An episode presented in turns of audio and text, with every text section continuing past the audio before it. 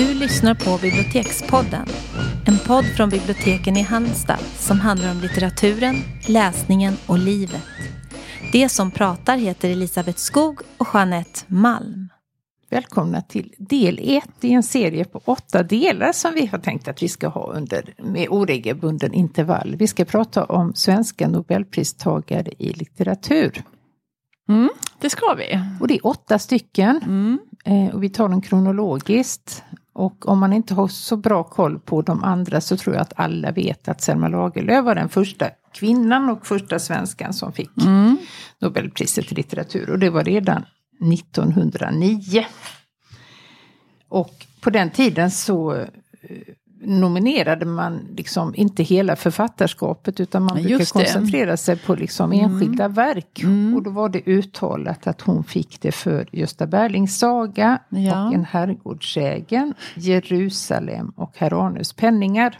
Okej, det var fler. Hon fick det för, för de verken Mm. som du nämnde. För den villfarelsen, eller det, det är många som frågar efter det liksom Ja, fortfarande. Exakt vilken Att det bok. lever kvar. Ja. Ja. ehm, det är lite Eh. intressant. Mm. För nu är det ju väldigt, nu är det ju, får man det för ett författarskap. Ja. Mm. Eh, men eh, motiveringen då Mm. är ju så här. På grund av den ädla idealitet, den fantasins rikedom och den framställningens själfullhet som präglar hennes diktning. Mm. Idealitet, Ja. det är inte så modernt längre. Nej, men det är omisskännligt så är det, det är något speciellt i de formuleringarna Mm. som jag tycker är så himla intressant. Ja, det är det. För de är så alltså, omisskännliga, det är någonting i hur de är uppbyggda. Och Ja. Jag kan inte sätta fingret på vad det är. Men Nej, men jag förstår hör, precis Ja. vad du menar. Och de, jag gillar dem verkligen, i princip ja. alltid. Eh, Ehm, Och att man liksom verkligen är ett koncentrat av. Precis. Eh, men vi ska prata om det för varje Mm. svensk. Vi ska inte gå liksom händelserna i Nej. förväg där. Nej. Men det var ju liksom inte utan kontroverser som eh, hon såklart. fick priset eller tilldelades priset. Såklart 1909 och som kvinna och som sagoberätterska Mm. som man liksom ganska förklenande kallade henne. Så sågs det ju inte med blida ögon. Det gjordes alltså jätteelaka nidbilder och satirbilder i de här tidningarna. Eh, och eh, det pratades också om att hon skulle dela det med Verner från Heidenstam och så blev det inte. Han fick vänta några år. Mm. Men när hon hade hört de här ryktena så var hon lite orolig för att då misstänkte hon att eh, han skulle ta glansen ifrån henne. Och så hade det ju med all säkerhet blivit också. Eh, Det kan man ju lätt föreställa sig. lätt föreställa sig. Hon fick i alla fall 140 000 kronor. Och i dagens penningvärde så motsvarar det 7 miljoner. Ja. Och då känner man ju till det här att hon faktiskt räddade sitt barndomshem Mårbacka som idag då är också öppet för allmänheten. Det var tack vare Nobelpriset hon kunde göra Tack det. vare Nobelpriset. Hon, hade- hon var ju ganska fattig och utarmad innan dess. Eh, Selma Lagerlöf föddes 1858, levde till 1940 och hon blev också invald i Svenska Akademin. Eh, och den stolen då, stol nummer sju, eh, har väldigt prominenta personer haft efter henne. Eh, först var det Hjalmar Gullberg. Mm. Och sen även Sara Danius. Mm. Och nu Sara Danius efterträdare så är det Åsa Wigfors. Och hon är ju eh, känd för att hon är, har skrivit en väldigt bra bok om källkritik. Mm. Eh, kanske inte så jättespännande men, nej, men det var när den här debatten startade som värst liksom med fake news och Mm. liksom sanning fick en annan innebörd. Hon är professor i teo- teoretisk filosofi. Eh, sen har även eh, en eh, Selma Lagerlöf en krater uppkallat sig. Det är nämligen så Åh. att Venus, de har större, Venus större kratrar är uppkallade efter kända kvinnor. Ja. Och en av dessa heter då alltså Lagerlöf. Det är fint. Lagerlöfkratern, ja Mm. det är fint. Eh, det kom också för ganska många år sedan en ganska eh, omdebatterad eh, bok med hennes brevväxling. Mm. Kommer du ihåg det? Ja, med ja. Sofie Elkan. Det. Eh, det var en 50-års eh, liksom, eh, karantän där på de här breven innan Mm. de fick offentliggöras. Så de var ju väldigt eh, eh, ömsinta och himlastormande de emellan. Så man vet väl nästan att de hade ett förhållande. Ja. Men det det kunde jag. man ju inte vara öppen med på den tiden. Nej. Sen vet jag att det finns vissa forskare som säger att man ska inte liksom riktigt man kan inte överföra tonen i breven till hur vi uttrycker oss idag. För det Nej. här var liksom, de hade en stark romantisk tradition och att man Ja. hade väldigt starka eh, känslouttryck Ja, man, vänner. man uttryckte det på ett annat sätt än vad vi Ja. skulle göra när man kunde skriva sådär allra som käraste du. ja, och min så. älskade älskade Ja. och sådär. Men det är väl ändå ställt utom allt tvivel. Att Ja, de det finns hade- mycket forskning kring det där, så vet jag inte hur intressant det är. Men det, kommer jag ihåg när jag läste litteraturvetenskap, att, Mm. det, att någon då hävdade att man kunde se att efter när hon hade blivit bekant med Sofie Elkan Okej. så kunde hon beskriva liksom den fysiska kärleken på ett mycket innerligare sätt än vad I hon hade sina gjort. böcker? Ja, än vad hon Oh, hade gjort ja. tidigare hade det luskats fram. Mm. Så, inte vet jag. Nej, hoppas att de fick, hade det bra ihop. Det var Ja. ju det också ett litet triangeldrama där för att hon Precis, hade även det den här. Valborg och Lander Mm. också. Så, och det var ju väldigt liksom spänt mellan då Sofie och Valborg som då tävlade om eh, Selmas gunst. Gunst. Mm. Men det finns också berättat att eh, jag tänkte alltså, allting hänger ihop på något sätt. För att jag Mm. satte upp en jättefin bok häromdagen ute på hyllan, en Mm. ny hylla som handlade om eh, Augusta Lu- Lundin som var modeskapare. Mm. Eh, och det var nog 100-årsjubileum kanske för hennes modehus. Och hon var liksom verkligen på toppen då. Mm. Och hon sydde alltså Selma Lagerlöfs eh, klänning som hon hade på Nobelfesten Ah. i grått siden. Mm. Men vi har ju läst henne såklart. Ja då, Eller hur? har vi. Mm. Eh, och jag började, alltså jag, när vi pratade om att vi skulle prata om Selma så kom jag genast att tänka på att jag läste Löwenskiöldska ringen, de tre böckerna eh, på gymnasiet. Och att jag överraskade mig själv med att bli så Mm. förtjust att jag verkligen Ja. eh, slukade dem och att jag hade ett riktigt sån liksom, litterär upplevelse. Men du, det dem. hade jag också. Tänk om vi hade vetat, Ja. vetat om varandra då. Ja, tänk. För jag var också helt... Mm. Alltså, ja, det, var- det var verkligen stort. Ja, och jag vet inte hur det... Alltså jag, jo, jag tror att de stod i, i det. Jag hyrde en, en möblerad del av en villa då när jag gick på gymnasiet. Så jag bodde på veckorna och där stod det väl, där tror jag de böckerna stod. Tänkte jag Wow. okej då, Ja. läser väl då. Mm. Här liksom fina band, säkert förmodar jag, orörda av de som hade bott där innan. Ja, men eh, vad är det här för böcker då? Um, alltså jag har ju inte, kommer ju inte ihåg sådär klockrent exakt vad den handlade om, mer än att de hade liksom ett sånt sug. Och där, är, det finns ju flera ingredienser. Det som liksom sätter igång alltihopa det är ju att en eh, general Löwensköld på Hedeby, han dör och begravs. Och han har en väldigt värdefull eh, fin guldring som jag tror att han har fått av en kung. Det var mycket märkvärdigt och speciellt med den här ringen och den skulle han ha med sig i graven till varje pris. Men där blev den ju inte liggande länge. Nej. Utan graven grävs upp och ring, den, alltså olika personer kommer över den här ringen och den göms. Och, och, och, och han går ju igen, alltså det spökat, den som har ringen blir ju förföljd och utsatt av Alltså det är mycket spökeri, den är liksom obehaglig. Väldigt, väldigt spännande vill jag Ja, minnas. ja. Alltså andlöst spännande. Mm. Absolut. Ehm, och, men det är också de här familjekonstellationerna och sen så, alltså den spänner ju över lång tid, hela Mm, trilogin. Och den är ju bitvis ganska snärjig vill jag minnas. Jag är inte helt, jag skulle verkligen inte kunna redogöra för alla Nej, turerna nu. Jag är inte helt hundra på att jag hajade dem då. Men, men, men spännande var det och jag läste med stor förtjusning. Där finns också eh, väldigt liksom, karaktäristiska starka kvinnoporträtt. Mm.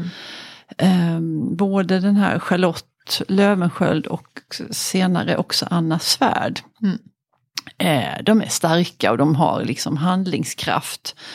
Eh, och sen, är de ju, de, sen lever de ju i en värld där männen styr men de, de lyckas ändå på olika sätt liksom bana sig en egen väg. Och vissa kan helt ja, skapa en egen framtid. Mm.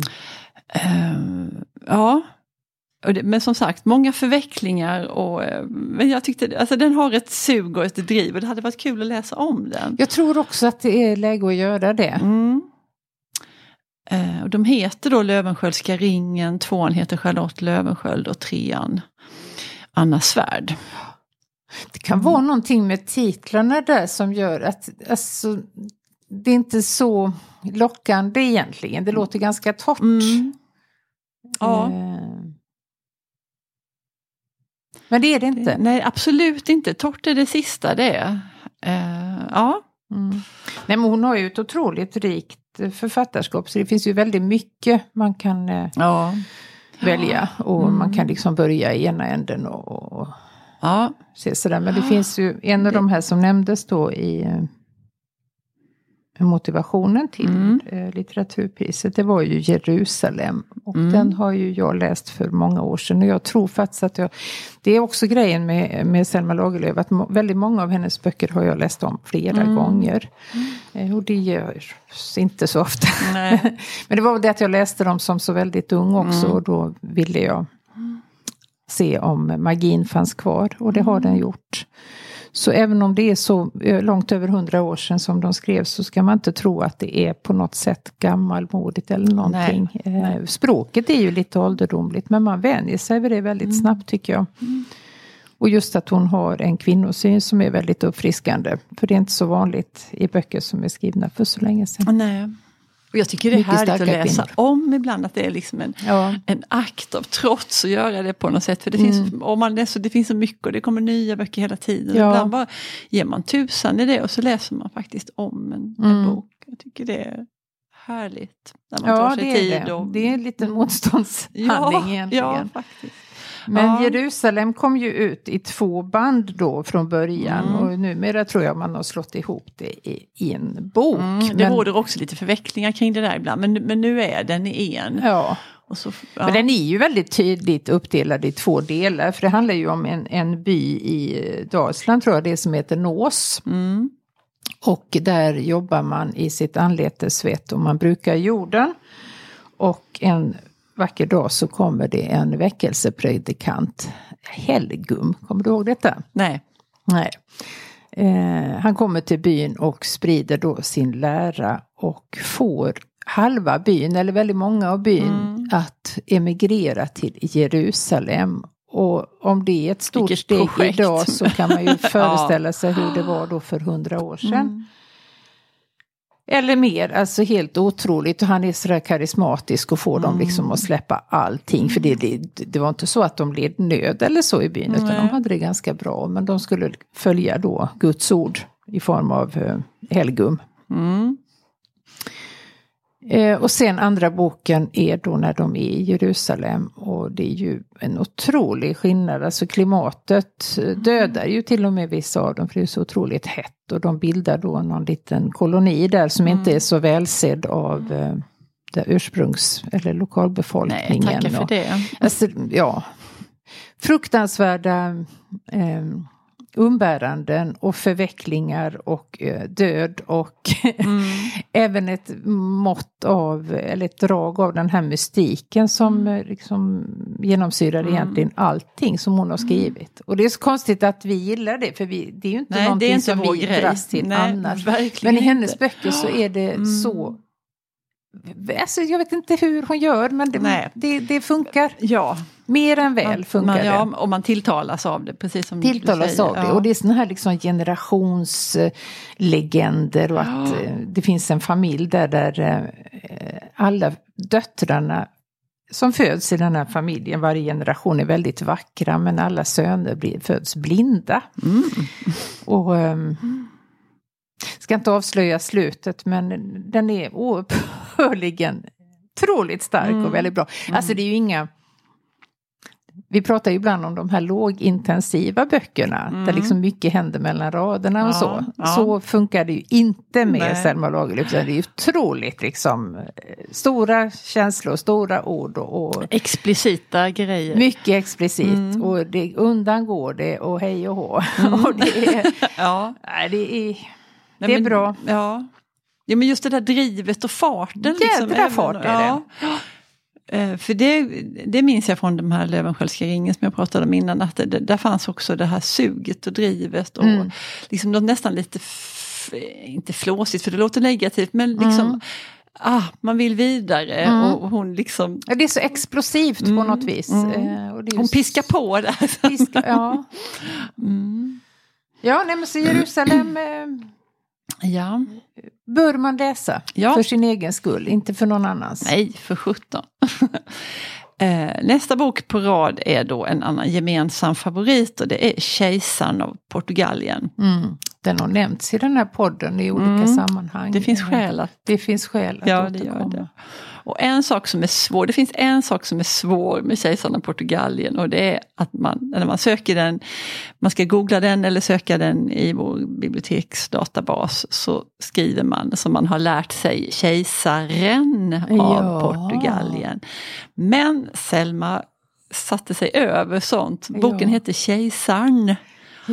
Av Portugalien. Alltså jag har, en gång har jag gått bet på detta och jag visste ju att vi hade boken och jag skrev och skrev och till slut så fick jag, då, jag, jag löste det men, men jag vet den där liksom frustrationen. Varför Vilken får jag inte fälla! upp den? Ja. Nej, och du så sent som igår på tal om att, att, liksom att, ja, att allting liksom går igen och eh, handlar ibland om samma saker så eh, såg jag ett Facebook-inlägg av en väldigt bemärkt person igår som skrev just om den här boken och hon skrev Kejsaren och hon listade den som en av sina Men man toppläsupplevelser. skulle ju kunna lägga in det i katalogerna Precis, som en alternativ Ja, titel. det Det, hade jag. ju hjälpt många. det kan vi påpeka för Ja. vår katalogavdelning. För folk söker ju hemifrån också. Ja, precis. Då. Och så kan de tro att "Nej, den finns inte. Nej. Och då kanske boken hade missat en läsare och det hade varit väldigt tråkigt för Väldigt den tråkigt. presumtiva läsaren. Mm. Du, detta var en väldigt lång ingress till den här fantastiska boken. Ehm, ja, nej men i vilken ände ska vi börja? Den handlar då om, om eh, Jan i Skrolycka som är en fattig torpare i Värmland. I en, ute i Skrolycka, det hör man ju själv att det är inte någon, det handlar inte om stadsliv här. Ehm, Nej. Eh, Och han lever där med sin fru och de har det väl någorlunda, alltså det är arbetsamt och tungt och besvärligt. Ehm, och till slut så när de är i mogen ålder så får de denna fantastiska dotter. Mm. Som genom ett mirakel föds hon. Hon har ett fantastiskt namn, Klara fina Gulleborg, för de vet ju inte hur väl de Nej. de vill detta enastående, mycket vackra barn som föds fram i Jag det kan här. tänka mig också att i den här klassen som de tillhör så döper man inte barn till tre sådana liksom Nej. välklingande namn. Nej. Eh, så att redan Det är där liksom har man ju liksom förhävt sig på något vis. precis. Hybris och Mm. förhävelse. Eh, Sen hände det också andra saker för den här, de arrenderar ju sin mark, Mm. den här torparen och så dör den här mannen som äger marken och, och det här tas över av en inte alls så god person så de Nej. får det ju väldigt svårt och det är liksom umbäranden och, och tungt. Men de har denna vackra dotter och det är ju liksom eh, kring henne som alltihopa det här spinns. Och det finns en Mm. väldigt fin relation där mellan, mellan dottern och pappan. Särskilt mellan de två. Ja, mamman vet man ju nästan ingenting om. Nej. Hon finns ju inte med i boken Nej. annat än som i, liksom i periferin vad jag minns. Som en bifigur. Nej. Ja. Ehm, Men Klara Fina och pappa Jan. ja, och hon är ju så... Hon är klok, det, hon är inte bara vacker och Nej. ljushylt och lockig och allt det där utan hon är också väldigt Mm. klok. Eh, och, och sen vad som händer sen det är att ehm, hon bestämmer sig för att hon ska flytta till Stockholm. Hon ska dra vidare för hon ska hjälpa sina föräldrar med pengar. Mm. Eh, för de hotas ju av vräkning där, eller om de vräks, jag minns inte exakt. Men, men det är ju men ett det är hot. väl det här arrendet som ska in. Ja. Och det finns liksom inga sätt att tjäna pengar där, men i Nej. Stockholm. Ja, och dit drar hon. ehm, och sen är det också så int- intressant och snyggt gjort i boken för vi förstår ju vad, vad det är som händer. Ja.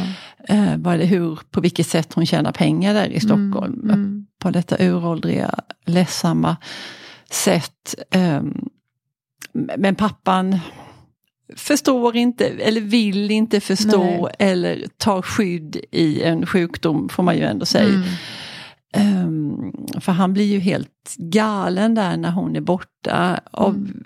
av saknad och av sorg och av att han kanske ändå vet vad det är som... Mm. Alltså det, det får vi inte veta och det spelar inte så stor roll heller men, men han... ehm, hur kommer han över den här uniformen, den här Nej. utstyrseln som han Eh, klär ut Han sig i? plockar väl lite här och lite där. Mm. Eh, Men det är ju ordnar och det är mm, paletter. Regalier. Regalier, Ja, ja. ja. För ja, och han kallar sig ju kejsare där. ehm, Mm. och han, han eh, liksom tar sig för att ifrågasätta här hierarkier. Alltså han, han slår sig i slang med personer som han inte eh, Ja. liksom rent klassmässigt har att göra med och bryter en massa sådana där Ja, tabun. han är ju kejsare så han är ju Ja. på deras, eller är ju över deras nivå. Eh, och just det här Portugalien också. Mm. Eh, ett land som inte finns. Han har väl ganska begränsade kunskaper om liksom, omvärlden. Ja, säkert. Ehm, och det är ju liksom en, en depression han, han går in i och ehm, Ja, och ett skydd mot Ja, verkligheten precis. som han inte kan eh, ja. ta in. Eh, och sen dröjer det, det, dröjer, det tar 15 år innan hon kommer Mm. tillbaka igen. Eh, och då har hennes pappa blivit ja, men som en clowngestalt. Mm. Ehm, ja, nej men väldigt, alltså mycket, det finns så mycket psykologi i Ja, den. och just Ehm, att det inte skrivs ut i klartext Nej. allting. Det är ju Nej. det som skiljer en bra från en medioker eller dålig författare. Mm. Att man använder liksom inte mer ord än vad man behöver. nej. Och det- man lämnar lite till läsaren att Mm. tänka på. Mm.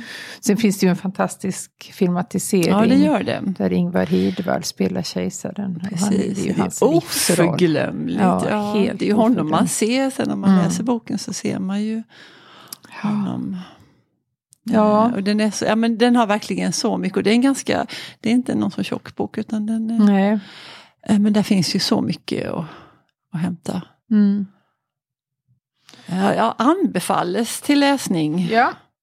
Bra första bok tror Ja, jag. precis vad jag tänkte. Börja Att om man är liksom lite nyfiken men ändå tycker det verkar för jobbigt med de här tjocka, tunga, Mm. eh, så kan man, alla kan läsa Kejsarna Portugalien. Mm. Och den har kommit i en eh, nyupplaga nu, en väldigt fin, eh, bara nu för några år sedan. Och om jag inte minns fel så, så har Sara Stridsberg skrivit förordet till den. Ja. Mm. ja, det Ja. får vi kolla in. Ja. Eh, Min sista då, eller vår sista, är den bok av Selma Lagerlöf som jag faktiskt har läst flest gånger. Och Mm. jag tror alltså det är minst tre. Wow. ja. Mm. Eh, Det är Gösta Berlings saga. Mm. Med den otroligt berömda inledningsmeningen där. Kommer du ihåg den? Äntligen stod Äntligen prästen stod i prästen i predikstolen. Ja, och det Ja. brukar liksom beskrivas som en så bra mening Mm. för att anslaget där liksom, när man var då äntligen, Precis. och brukar han inte stå Nej. där, det är väl där prästen ska vara. Ja, precis. Men det är ju den försupne Gösta Berling Mm. som då orsakar mässfall var och varannan vecka för han har varit ute och rumlat. Mm. Och det är också en sån fantastisk berättelse och den här eh, majorskan på Ekeby och hennes kavaljerer Mm. och som inleder då ett avtal med djävulen. Eh, gör de ju under en berömd julnatt tror jag det är ute i stallet där. Eh, ja, allt har den boken skulle Mm. jag vilja säga, precis allt. Det är liksom eh, kärlek och misär och Dramatik. dramatik Mm. och liksom pengar, makt och Mm. galenskap. Och, ja, Och naturskildringar. mycket natur och det eh, Den här besjälade sjön. Ja, eh, och eh, just det. Det är mycket runt den här fryken. Ja, ja väldigt Mm. mycket. Och det åks med hästar, löddriga hästar Ja, eh, runt och de, sjön. Ja, ja, och de jagas av vargar. Ja, eh, Och i då kastas det någon bok, har jag för mig, i I käften på en varg. på en varg. Ja. Eh, Wow. Ja, Ja. eh, var inte det till och med hennes debutbok? Nej, oklart. Oklart. Men om man får börja lite mjukt med eh, Kejsaren och Mm. Portugalien så kan man med fördel fortsätta med Gösta Berlings saga. Och ja. den är ju också filmad ett oändligt antal Mm. gånger. Men jag är inte säker på att den har vunnit lika mycket som den förra på det. Nej. Ehm, Nej, inget som man har sett som har satt sig sådär i sinnet i Nej. alla fall. för här tycker jag faktiskt att man ska vara boken trogen och ta den först. Ja. Mm. Nej men vi återkommer nästa gång och Ja. då är det då Då är det Verner von Heidenstam som Mm. står på tur. Det ska bli roligt. det ska bli roligt. ja, Ja. det ska det bli. Men idag så tackar vi för oss och stänger luckan. Hej då! Hej då!